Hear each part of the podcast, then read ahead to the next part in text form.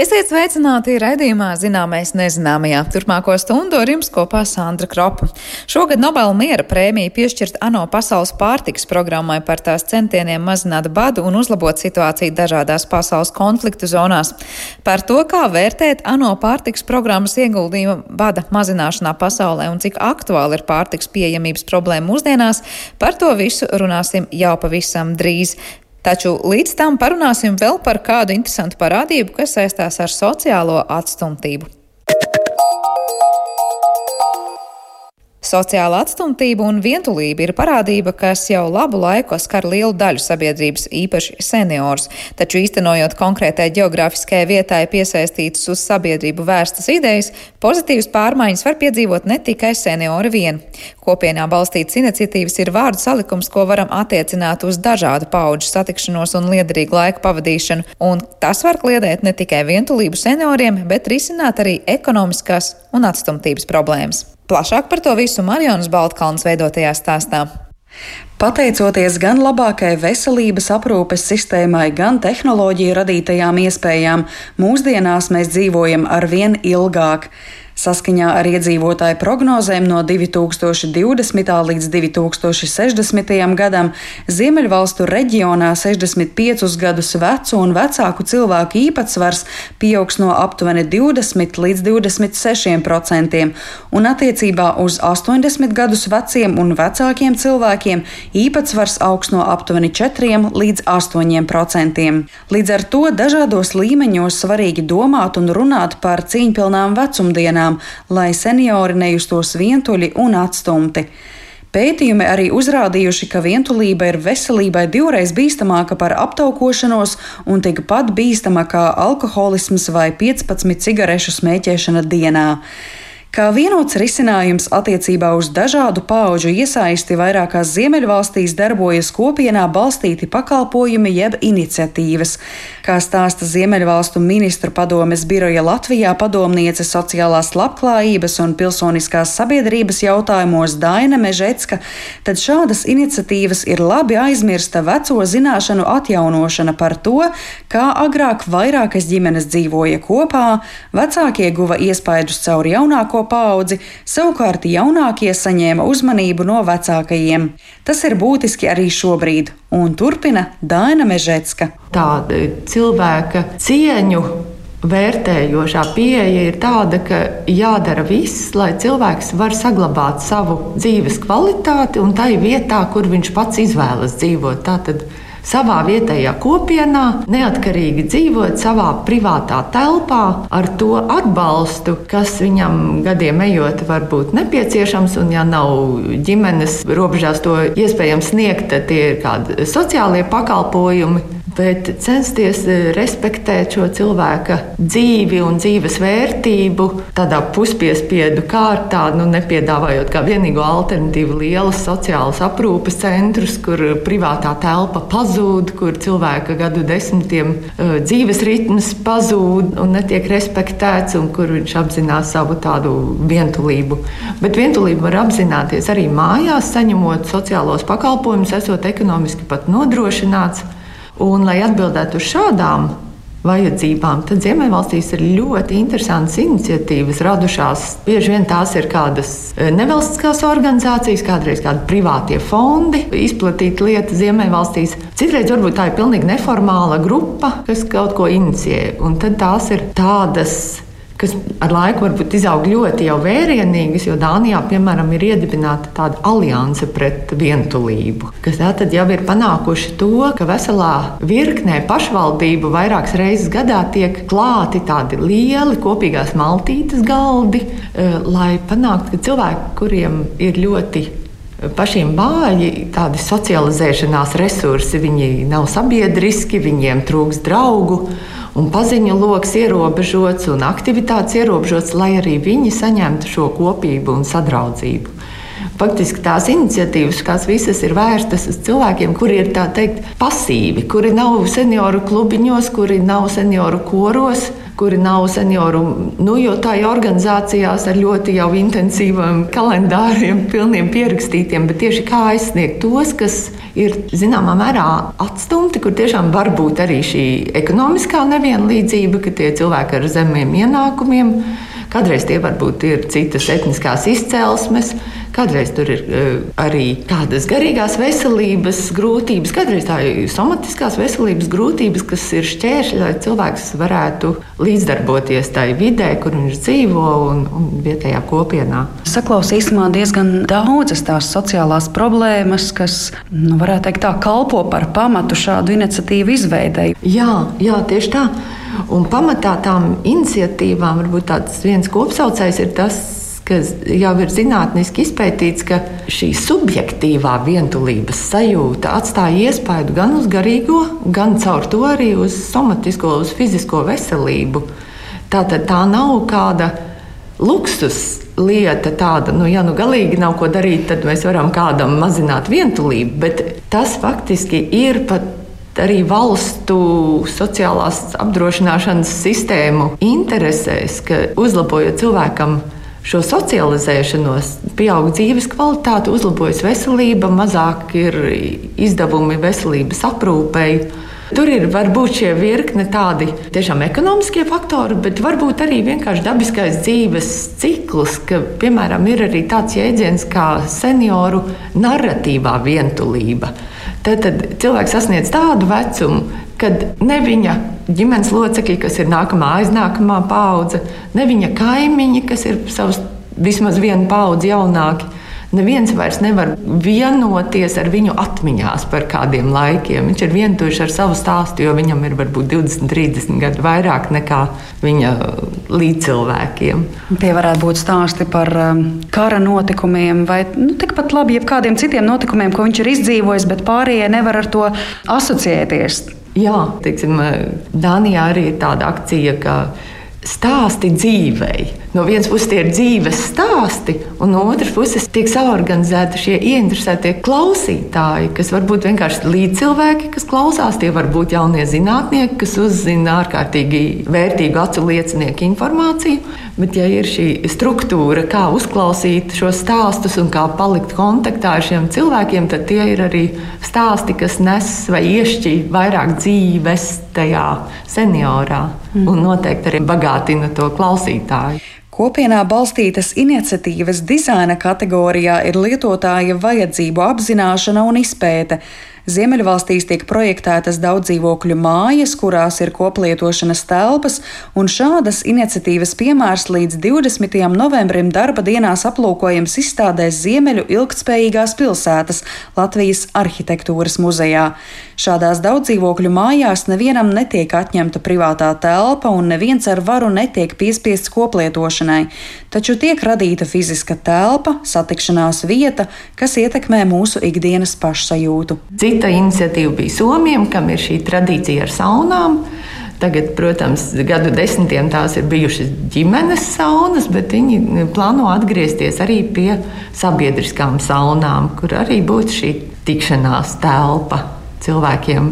Tas pats aktuāli ir arī jauniešiem, kaut arī materiālā labklājība, dzīves līmenis nu, Ziemeļvalstīs eh, ļoti augsts un varbūt pat aug. Eh, tad jauniešiem garīgā veselībā nelabsajūtas tiek konstatētas. Un tur arī viens no risinājumiem ir tiešām ļoti viegli pieejamas eh, tikšanās telpas, tikšanās iespējas, kas neuzliek slogu, neprasa kaut ko no tādā apjukumā esoša jaunieša vai kādā krīzē esoša jaunieša. Nu, tā, tā, tāda vajadzība ir visām paudzēm, un tādas telpas faktiski palīdz visiem.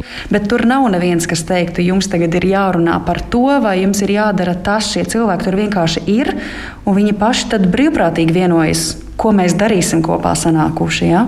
Jā, jā, šajā gadījumā par to publisko saunu. Tad tur tiešām cilvēki nāk un dara savu ikdienas rituālu, mazgājas, kā somu saunas lietošanas tradīcijā tas ir paredzēts, bet viņi to dara tātad, kontaktējoties vēl ar citiem cilvēkiem. Bet varbūt arī tādas kopējas aktivitātes, kur ir šie koordinatori vai mediatori, vidutāji, lai saicinātu kopā kādus cilvēkus pastaigai vai kopīgam kino apmeklējumam. Vienatnē dzīvojoši cilvēkam varētu būt arī vientulības brīži šādu cilvēku sapazīstināšanai ir arī tāda vēl plaša tendence vai plaša kustība, kā senioriem draudzīgu pilsētu un kopienu kustība. Tur tā vienā teikumā apkopojot to domu, ir tā, ka tas, kas ir labi astoņgadniekam un astoņdesmitgadniekam, tas būs labi arī jebkura cita vecuma cilvēkam. Šādu pilsētu veidošana notiek, un ikvienam interesantam ir iespēja piedalīties Ziemeļvalstu labklājības centra organizētā webinārā angļu valodā 27. oktobrī par viedajām pilsētām kā universāli dizainētām pilsētām, un dzirdēt vēl plašāk par labās prakses piemēriem, kas iespējams būtu adaptējami arī Latvijā. Tam sekos webinārs 5. novembrī par vientulību tieši senioru vidū, kurā būs iespējams iepazīties ar Ziemeļvalstīs veiktu pētījumu datiem. Par abiem pasākumiem informāciju var gūt Ziemeļvalstu ministru padomes biroja Latvijā mājaslapas www.norden.lv jaunumu sadaļā bet Dainai Mežetskai arī jautāju, kā kopienā balstītās iniciatīvās iesaistīt arī pasīvos seniorus, kuri paši visticamāk tādās neiesaistīsies, un ne visus seniorus spēs apzināt mediātors. Lielbritānijā ir apgūta pieredze, ka šādā vajadzību izzināšanā e, iesaista seniorus, jo viņu kontaktu lokā ir arī šie pasīvākie seniori. Tātad caur aktīvākajiem tas ir viens ceļš, kas ir atzīts, ka seniors piesaistīt var arī pasākumiem. Ja Saka, nāc pats un paņem vēl kādu biedru līdzi.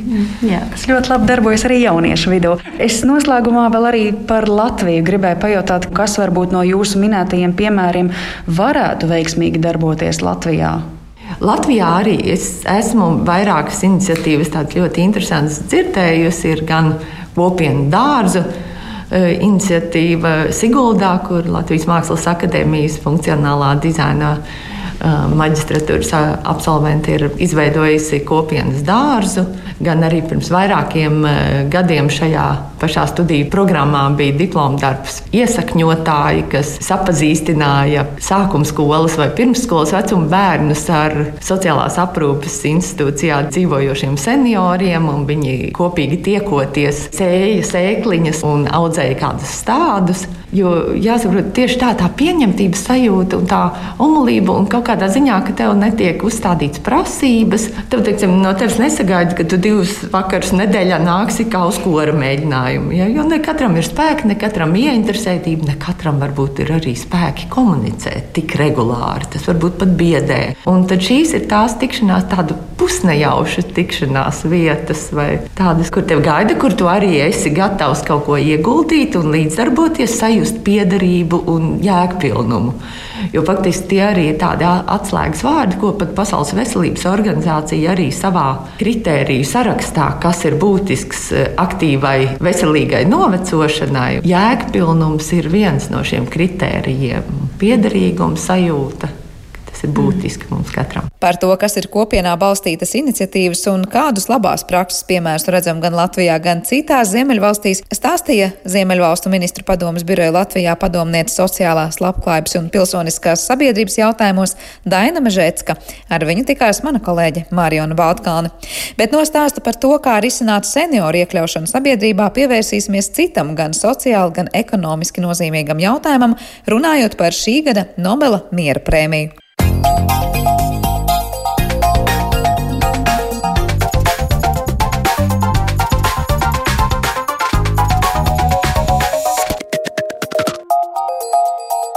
Zināmais nezināmajā.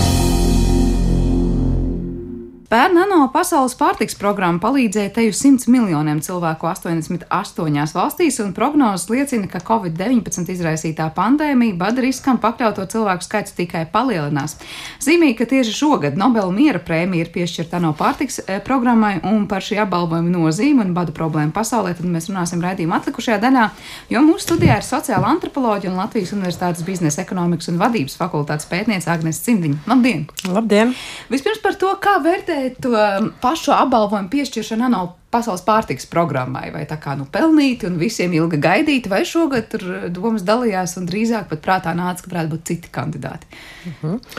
Nu, jāteic, ka faktiski man šī Nobela miera prēmijas eh, paziņošanas eh, tāda gaidīšana ir kaut kāds tāds varbūt ieradums, kas ir saglabājies no Norvēģijas, jo es ilgstoši dzīvoju Norvēģijā, un, un par cik Norvēģijā šī balva tiek pasniegta. Uh, tad eh, Norvēģijai gadu, kad tuvojas rudens, ir tāda liela ažiotāža ap to, kas tad, eh, kurš tad šoreiz šo balvu saņems, kurš vadīs pasniegšanas ceremoniju. Arī šos pasniegšanas ceremonijas ir ļoti tādas grandiozas, ja slavenību, slavenības piedalās un, un, un, un, un pēc tam mēdījus figurē ne tikai šīs fotogrāfijas no sarkanā paklāja, ja, bet arī diskusijas, vai tad tiešām bija pelnīti vai nebija pelnīti, kas tad vēl būtu varējis šo balvu iegūt. Bet fakts arī tāds, ka šos Šogad uz šo balvu bija nominēti vairāk nekā 300 kandidāti, bet pēc šī Nobela nolikuma jau nemaz tos visus kandidātus, respektīvi, tas tiek turēts slepenībā 50 gadus, kas tad bija nominēts un kuri tad bija tie nominētāji. Un tie, tās organizācijas vai tās personas, kas tiek izvirzītas, ja arī iznāk, teiksim, gaismā, tad tas ir tāpēc, ka kāds, kas ir nominējis, to pats ir pateicis vai, vai, vai teiksim, nu, kaut, kaut kas jau izskan tajos publiski, publiski mēdījos, bet faktiski nekāda tāda liste jau netiek publicēta, kur tad ir tie nominanti bijuši. Un, un šī pasaules pārtiks programma noteikti bija balvas cienīgs kandidāts.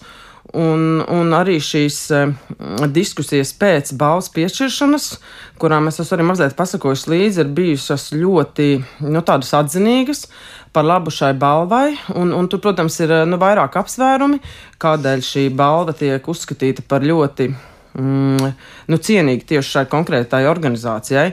Un, un, un tad viens no tādiem, nu, kā mēs zinām, mēs jau visi dzīvojuši esam tagad pēdējā gada laikā šajā Covid ēnā, tā varētu teikt, un, un arī, teiksim, diskutējot iepriekš šīs, šīs, šīs pirms šīs balvas pasniegšanas, kam šī balva varētu būt, tad arī tās diskusijas bija tādas, vai ne, ka vajadzētu to balvu visticamāk dot kādam, kas varbūt nonāca šīs pandēmijas ēnā, jo, teiksim, šai pašai Covid pandēmijai un paslī, Pasaules veselības organizācijai varbūt vairs nav jāpievērš pārāk liela uzmanība nekā līdz šim jau tā ir bijusi, jo, jo visur mēs tik ziņās un visur par to dzirdam, un nevienam vairs nav nekāds noslēpums, kas tad ir Pasaules veselības organizācija, kas varbūt iepriekš pirms to nebija tik labi zināta. Ja?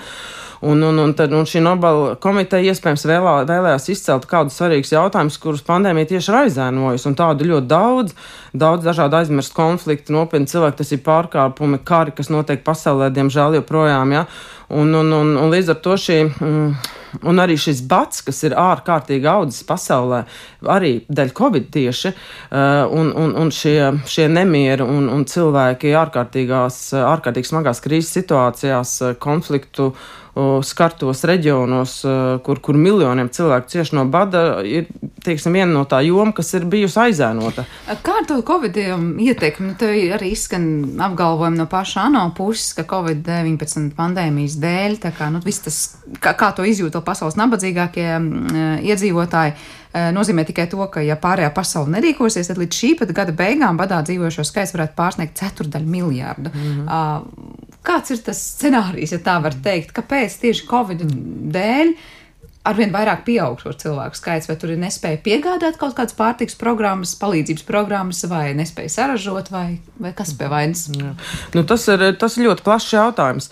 Pirmkārt, jau mēs zinām, ka Covid nāca ar ļoti pamatīgiem ierobežojumiem gan ražošanā, gan tirzniecībā, gan cilvēku kustībā, gan, gan, gan teiksim, sociālās attiecībās, un šī izolācija daudz vietu pasaulē, eh, jo īpaši nu, tas, ko mēs varbūt dēvējam par attīstības valstīm, eh, šī, šī, šī cilvēki tik nostādīti izvēles priekšā vai nu mirt badā vai ievērot šos covid ierobežojumus, jo, jo ārkārtīgi daudz dažādas mazas saliņas, kas dzīvoja tikai no turismu ienākumiem, un šādu ir ļoti daudz Āfrikā, Āzijā, eh, gan, gan, gan eh, nu, nu, jebkurš bizness, jebkur uzņēmē darbība, jebkurš darba attiecības praktiski ietver kontaktu ar cilvēkiem, un šis vairs nebija iespējams. Arī šī starptaut, starptautiskās satiksmes uh, apturēšana un, un, un šī covid pandēmija kopumā mums tiešām liks saprast to, cik trausla ir tā pasaule un arī cik ārkārtīgi sasaistīti mēs esam viens ar otru. Ja viens, teiksim, kaut kāds tirdzniecības vai ražošanas posms nobrūk vienā pasaules malā, tad pilnīgi otrā pasaules malā varbūt 500 cilvēku zaudē darbu, varbūt vesela industrija zaudē darbu. Un, un, un, Un uh, kopumā, teiksim, arī man pašai. Uh, es tev varbūt mazliet lēkā no vienas tēmas uz otru, jo faktiski šis jautājums, ko jūs uzdevāt, ir ārkārtīgi plašs. Ja? Bet ar ko es pati pēdējo gadu laikā esmu nodarbojusies un kādēļ man liekas aktuāli šī, šī pārtiks drošības tēma ir, ka es esmu, es esmu tādu pētījis pēdējo trīs gadu laikā tieši tuvā austrumu reģionu, konkrētā ārāla blīci, bet ne jau badu kontekstā, es tos pētīju drīzāk, teiksim, biznesa attīstīšanas kontekstā, kur skatos, kā tieši, teiksim, ilgtspējas risinājumi. E, pārtikas drošības nodrošināšanai tiek mm, ieviesti, e, teiksim, tūkstošu teritorijās, un, un faktiski trešdaļa pasaules, vismaz e, trešdaļa pasaules sauszemes, ja mēs neskaitām ūdeņus, klāja tūkstoši. E, un ir ārkārtīgi daudz smilšainu teritoriju. Mēs pat nevaram to iztēloties, jo mums jau tas mūs neskar principā, vai ne? Mēs tā domājam. Un kā tad cilvēki šajos tūkstošu apgabalos, kā viņi audzē sev pārtiku, kur viņi to pārtiku ņem? Un ja mēs apskatāmies uz vienu no bagātākajiem pasaules reģioniem, ja, kas pieņemsim, teiksim, pilsētu Abu Dabī vai no Emirāts Abu Dabī, kur gandrīz 90 5% teritorijas klāja tūkstneši, bet kur, kur, kur ir nu, pietiekams finansiāls resurs. Viņi nevar sev paši izaudzēt pārtiku, un 97% pārtiks tiek importēta. Un, un, teiksim, ja šādu reģionu skar kaut kādas sankcijas vai ir kāda, teiksim, pandēmija, viens ir tas, ka varbūt tiek ierobežots transports, otrs ir tas, ka tomēr valsts vairāk varbūt sākt arī nodarboties ar protekcionismu, jo katram jau rūp tā sava, nu, nu, tas, lai mūsu sabiedrībai, mūsu valstī tās pārtika pietiktu, ja, un, un, un, ja tu sāc prioritēt savu iekšējo tirgu, ja tiek ierobežoti šie transporta pakalpojumi un pārtiks imports un eksports vairs nav tik vienkārši, tad, teiksim, ir daudz reģionu pasaulē, kas ir gan totāli atkarīgi no pārtiks importa. Un kas tad notiek? Un līdz ar, šo, līdz ar to šis pārtiks drošības jautājums neatiecas vairs tikai uz, teiksim, karu un konfliktu zonām, bet arī uz ļoti, eh, teiksim, līdz šim tādām turīgām, sabie, turī, turīgām valstīm, turīgām sabiedrībām. Un, un, Tā kā tas ir kaut kas, kas skar pilnīgi visus, bet, nu, ja labi, Ano, pasaka, ja pārējā pasaule nerīkosies tādi skaļi un ļoti vispārīgi vārdi, kas ir tas, ka, ko sagaida, kas būtu jādara? Tad mēs runājam par šiem visnabadzīgākajiem planētas iedzīvotājiem, un tad mēs ko sagaidām no citām valstīm, ka tās ir kaut kādas palīdzības paku sūtīšanas, vai tas ļoti bieži tiek pateikts, tas nav īstākais un labākais veids, kā cīnīties ar problēmu. Nu jā, arī šī Nu, pirmkārt, es teiktu, ka darbs, ko dara šī pasaules pārtikas uh, programma, ir, ir ārkārtīgi sarežģīts, ārkārtīgi grūts, tas faktiski nenovērtējams, un, un šī, ar šīs programmas palīdzību ir izglābt miljoniem cilvēku, un tas joprojām turpinās, un varētu teikt, diemžēl šāda programma ir nepieciešama. Bet viņi vairāk tā kā palīdz tur uz vietas mm. izaudzēt un tā kā motivēt uz nu, Tur tā vēsture ir diezgan interesanta, jo faktiski šī, šī, šī programma tika dibināta jau 60. gadu sākumā, 61. gadā. Un, un tā bija veidot ar mērķi veidot organizāciju, kas krīzes laikā var organizēt un koordinēt tūlītēji pārtiks palīdzību. Tā tad ir krīze, cilvēki mirst badā, vai varbūt ir vajadzīgi kādi medikamenti, un tad šī, šī, šī programma uzreiz to var nodrošināt. Un, un, un sākotnēji, un es domāju, arī joprojām daudziem tagad šī, šī, šī programma saistās ar baltām lidmašīnām, ar baltām lidmašīnu attēliem, lido lidmašīnu un met ārā to pārtiku. Ja?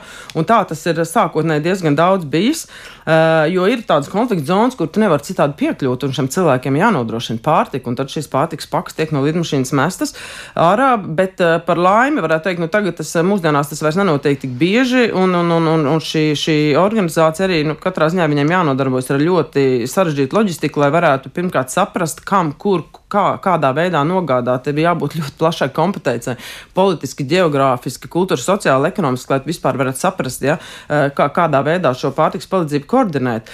Bet, bet, bet arī, diemžēl, šīs pārtikas teiksim, programmas nu, ir pretrunīgi vērtētas šīs, šīs organizācijas vēsturē. Un, piemēram, viens tāds piemērs, uz ko var atsaukties, ir tie bada laiki Etiopijā, kas bija 80. gadu, 83. un 85. gads apmēram. Un tad tā pārtiks programmā vadīja tur gan 87 operācijas, ļoti, ļoti plaši iesaista. Uh, bet, uh, un šajā laikā Etiopija piemeklēja pamatīgs sausums, taču, protams, šai krīzē, pārtiks krīzē arī bija politiski iemesli, jo toreizais diktators, teiksim, un tiek apsūdzēts par badu apzinātu izmantošanu kā ieroci pret, uh, iedzīvo, pret pašu iedzīvotājiem. Un, un, un, uh, Un faktiski tas tika izmantots kā tāds šis bats, radītais bats tika izmantots kā tāds masu iznīcināšanas ierocis, un, un gan miljonu cilvēku zaudēja dzīvību. Un, un, un, protams, ka šī pasaules pārtiks programma tajā laikā aktīvi piegādāja pārtiku un, un, un, un palīdzēja. Nu, nodrošināt cilvēkiem, kas mirst badā, to pārtiku. Bet tad atkal pēc tam tika uzdot jautājumi, vai teiksim, šī humana operācija nemaskēja tos politiskos iemeslus. Un, un tad ir, protams, jautājums, vai ne cik lielā mērā.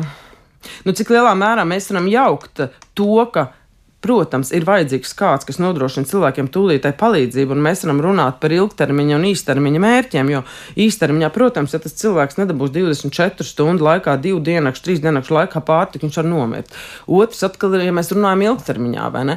Ja mēs gribam izskaust uh, pasaulē badu, uh, kas ir viens no pirmajiem apvienoto nāciju ilgspējīgas uh, attīstības mērķiem, tad pārtiks pakām, ja mēs to neizdarīsim.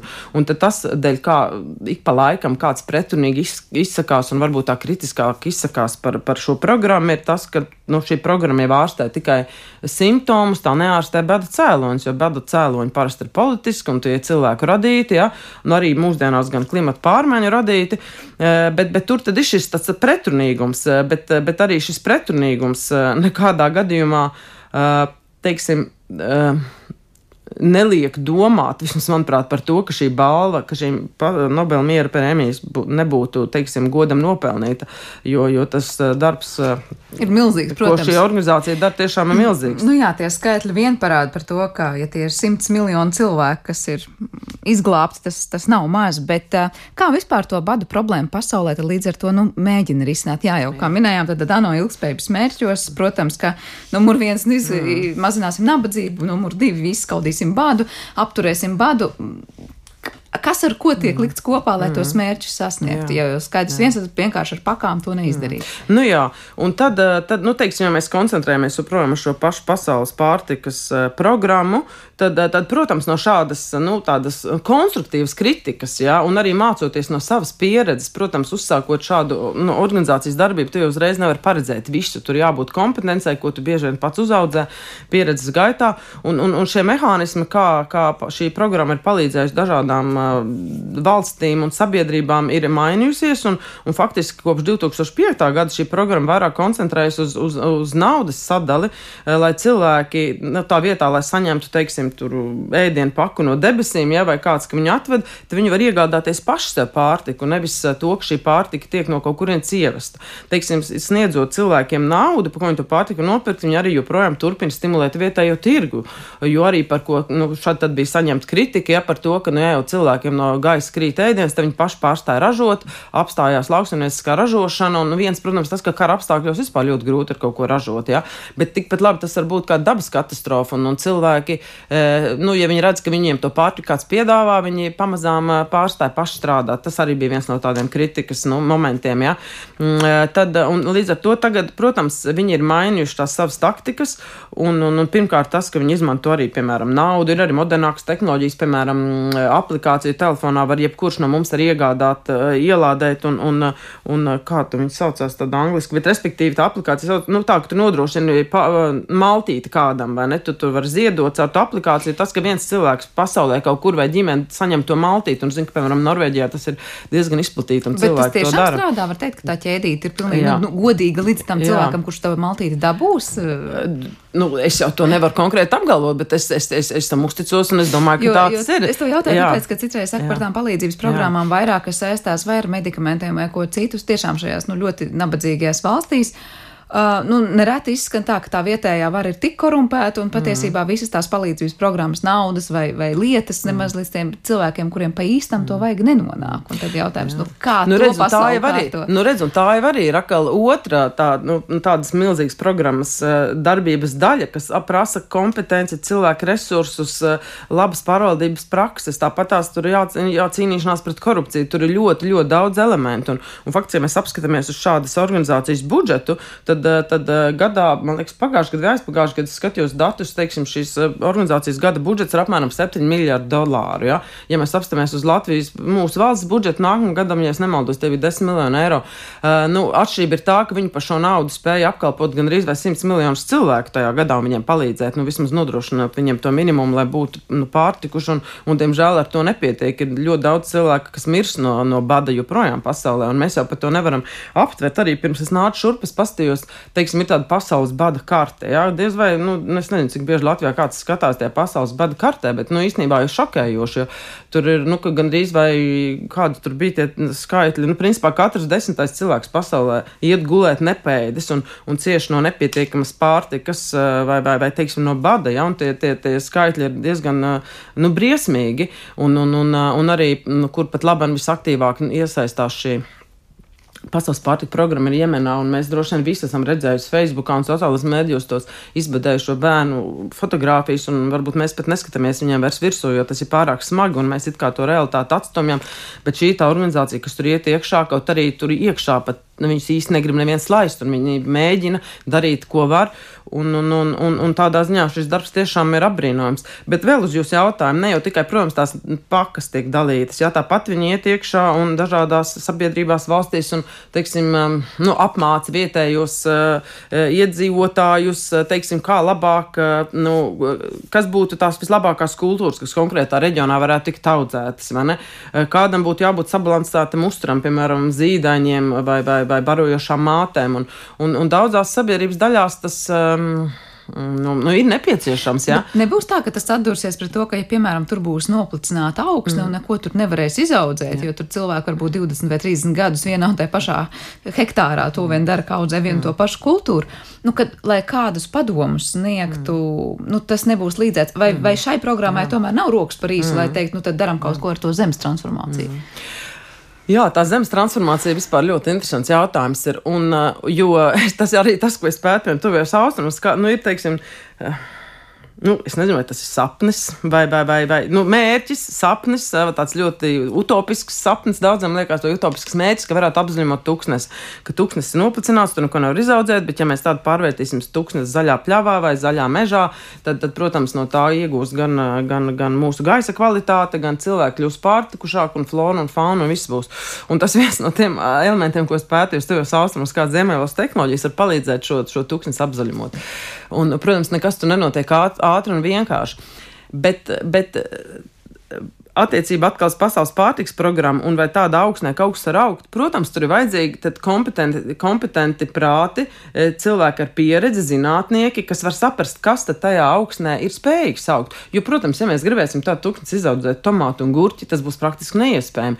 Ņemot vērā to, ka ļoti lielā daļā tūkstneša tie gruntsūdeņi ir nenormāli sāļi, ka tur vispār nekas nevar augt. Un tad tiek piesaistīti pētnieki, kas, kas, kas var pateikt, kādas kultūras tajā sāļa augsnē var augt. Un, piemēram, runājot par to pašu abu dabīgu, kur es veicu pētījumu, es tieši sakoju, kā daži pētnieki testē tās kultūras, kas var augt ļoti, ļoti sāļa augsnē. Un mēs par to pat nezinām, bet tādas augsnes ir. Tas nozīmē, tad arī strādāt ar tiem patērētājiem, pieradināt viņus pie, nu, ja viņi grib tajā reģionā dzīvot, un tajā reģionā, lai dzīvotu, vajadzīga pārtika, nu, tad tu nevari, e, un, ja, teiksim, nav vairs iespējams to pārtiku importēt, tad tev jāmēģina audzēt tas, kas tur var izaugt, un no tā pārtikt. Un, piemēram, tādā uh, tūkstnesī, kur ir ļoti sāls gruntsūdens, piemēram, var izaudzēt kvinu kvinoju, kas ir ļoti, ļoti veselīgs, ko mēs arī pērkam par dārgu naudu veikalos. Bet cilvēki nav pieraduši pie tāda pārtiks produkta. Ja? Un, un, un ir dažādi citi, varbūt arī, kas nav tik garšīgi, bet kas tur var augt, kas nenoplicina augsni un kas ir bagātīgi uzturvielām. Un tad arī šī tāda joma, pie kuras, piemēram, šādas programmas strādā, lai, lai saprastu un iztestētu. Un tur ir vajadzīga kompetence, protams, un finanses. Un, un, un, un, un līdz ar to šis, šis finansējums netiek eh, veltīts tikai pārtiks pakās, bet arī, lai dotu cilvēkiem pašiem šo, šo kompetenci, spēju spēju arī, piemēram, lai attīrītu ūdeni vai, vai nodrošinātu ar ūdens resursiem, teiksim, lai apūdeņot augstu. Tur ir nu, ļoti komplekss tie palīdzības veidi. Kāda izskatās tā pasaules, var teikt, nu, bada karte ar gadiem ejot, viņi tā kā samazinās vai palielinās? Jo no vienas mm. puses klausoties tajā, kas tiek darīts, gribas domāt, ka nu, arvien vairāk kļūst to cilvēku, kuriem mm. palīdz un kas mm. no tā bada ir tā izkļuvuši. Jā, statistiski it kā tas šie, šie badā tie skaitļi nu, ir samazinājušies, bet pēdējo trīs gadu laikā atkal ir viņi pieauguši pieauguši. Nu, un tajā bada kartē es tagad, jā, tajā bada kartē tur arī pat skatos, pat Latvija ir iezīmēta, bet Latvija, protams, tur iezīmēta pozitīvās krāsās un, un, un, un, un, un, un protams, tas, tas diapazons, teiksim, no 2% iedzīvotāju daļas, jā, kas, kas, kas, kas cieši no nepietiekamas pārtikas, kas, piemēram, varētu būt kaut dažās Austrumēropas valstīs, tās augtās līdz gan 40%, kas atkal ir, teiksim, vairākās Āfrikas valstīs, tas diapazons ir plašs, bet pēdējo trīs gadu laikā, diemžēl, ir audzis šis, um, šis skaits. Un, Un tagad es lasu arī vienu interviju ar šī pārtiks programmas uh, direktoru, un, un arī, protams, ka viņiem ir vajadzīgs finansējums. Ja, uh, un, un, uh, un viņš saka, ka šī gada laikā 7 miljoni cilvēki miruši no bada. Kāda ir pēdējā statistika, cik ir miruši no covid? Nu, nu, droši vien, ka ne tik daudz, ja, bet tas, ka no bada mirst ļoti daudz cilvēku, par ko mēs ikdienā nedzirdam, par ko mēs ikdienā nedomājam. Uh, un, un, un, un tas ir uh, cilvēki, kas mirst no bada, bet cik daudz ir tādu, kas cieš no šī bada. Un vismaz šajā pasaules uh, bada kartē ir, uh, teiksim, pagājušajā gadā 821 miljonus cilvēku. Uh, kas faktiski cieš no bada. Tas ir uh, nu, tie, tie, tie milzīgi cipari. Ja? Un, un, um, Tad ar laiku tik un tā tie samazinās, bet tie mm. joprojām ir lieli. Nu, Covid laikā faktiski dubultojies atkal šis, uh, šis cilvēku skaits, kas cieš no, no, no, no nepietiekams pārtiks. Un, un, Jā, tā kā tagad šie skaitļi pēdējā gada laikā ir auguši, un, nu, protams, tas ir arī signāls, teiksim, nākamajam gadam domāt par to, kas tad būs, kā šiem cilvēkiem spēs palīdzēt. Jo arī, ja mēs runājam par, teiksim, finansēm, protams, šādai organizācijai ir vajadzīgs milzīgs finanses, bet viņiem jau ANO, nu tā ir ANO organizācija, bet ANO viņiem nedod nekādu pamatu budžetu. Uh, viņi faktiski dzīvo no uh, valstu organizāciju, privātu personu, teiksim, brīv, brīvprātīgiem maksājumiem. Un, protams, ir valsts, kas atbalsta vairāk, ir valsts, kas atbalsta mazāk.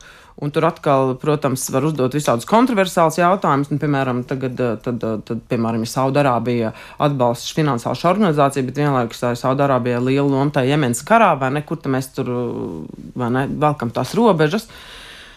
Um, Ja vēl mazliet par tiem cēloņiem bada, eh, mm, nu labi, viena lieta, kas mums te izkristalizējas, ir kaut vai nepiemērotās augsnes vai noplicināts mm. ilgstoši vai klimata apstākļi, kas mainās un nav ko iespējams izaudzēt, jo tur vienkārši ir sāls, sāļūdens, nevis saldūdens. Uh, es pieņemu, nākamā grupa varētu būt tāda konflikta skartie reģioni, kas droši vien arī pārklāsies savstarpēji. Ir iespējams, nu, tā kā ieskicēt, kādi tad ir šī brīža pasaulē galvenie bada cēloņi. Nu, galvenie bada cēloņi ir nu, kari un konflikti, nu, dabas katastrofas un, un arī klimata pārmaiņas. Uh, un, un, un, un šie tie, ko mēs saucam par, par nu, klimata bēgļiem, ja? uh, un, vai, vai, vai teiksim, nu, ja vide vairs nav, ne, nu, vidē, tajā vidē vairs nav iespējams dzīvot, jo tur trūkst ūdens, tur trūkst pārtiks audzēšanas iespēju, un nu, nu, tāda vidi nav vairs dzīvotspējīga, un tur dzīvot nav iespējams. Tur nav iespējams uzturēt pārtiku. Un, un, un tad cilvēki ir spiesti migrēt no vienas teritorijas uz otru, un šīs migrēšanas, eh, un, protams, iet iekšā teritorijās, kur varētu būt šie dzīvē svarīgie resursi, un no tā atkal rodās jauni konflikti, un šīs situācijas ir ļoti sarežģītas. Nu, un, tad, un, teiksim, ja šādas lielas organizācijas, kā šī nu, ļoti spēcīga organizācija, ja var iet iekšā un kaut kādā veidā palīdzēt to, to dzīvi veidot uh, uz vietas, tad tas arī, protams, risina šīs lielās bēgļu plūsmas, kas, ar ko mēs saskaramies arvien vairāk. Un, un ja šādas bada, nu, bada pieaugšanas tendences turpināsies, tad šo bēgļu pasaulē būs daudz vairāk. Vēl. Un, un, un, un tāds ir tie tādi milzīgi jautājumi, par kuriem nevar nedomāt. Nu, eh, par kuriem nevar nedomāt, un līdz ar to arī šī, šī, mm, šī balva eh, ļoti nu, vēstīja par ļoti, nu, tā, tā dot tādus spēcīgus signālus, par ko visai pasaulē būtu jādomā. Un, protams, ka arī šāda Nobela miera prēmijas balva ir arī ārpolitikas instruments, principā, vai ne?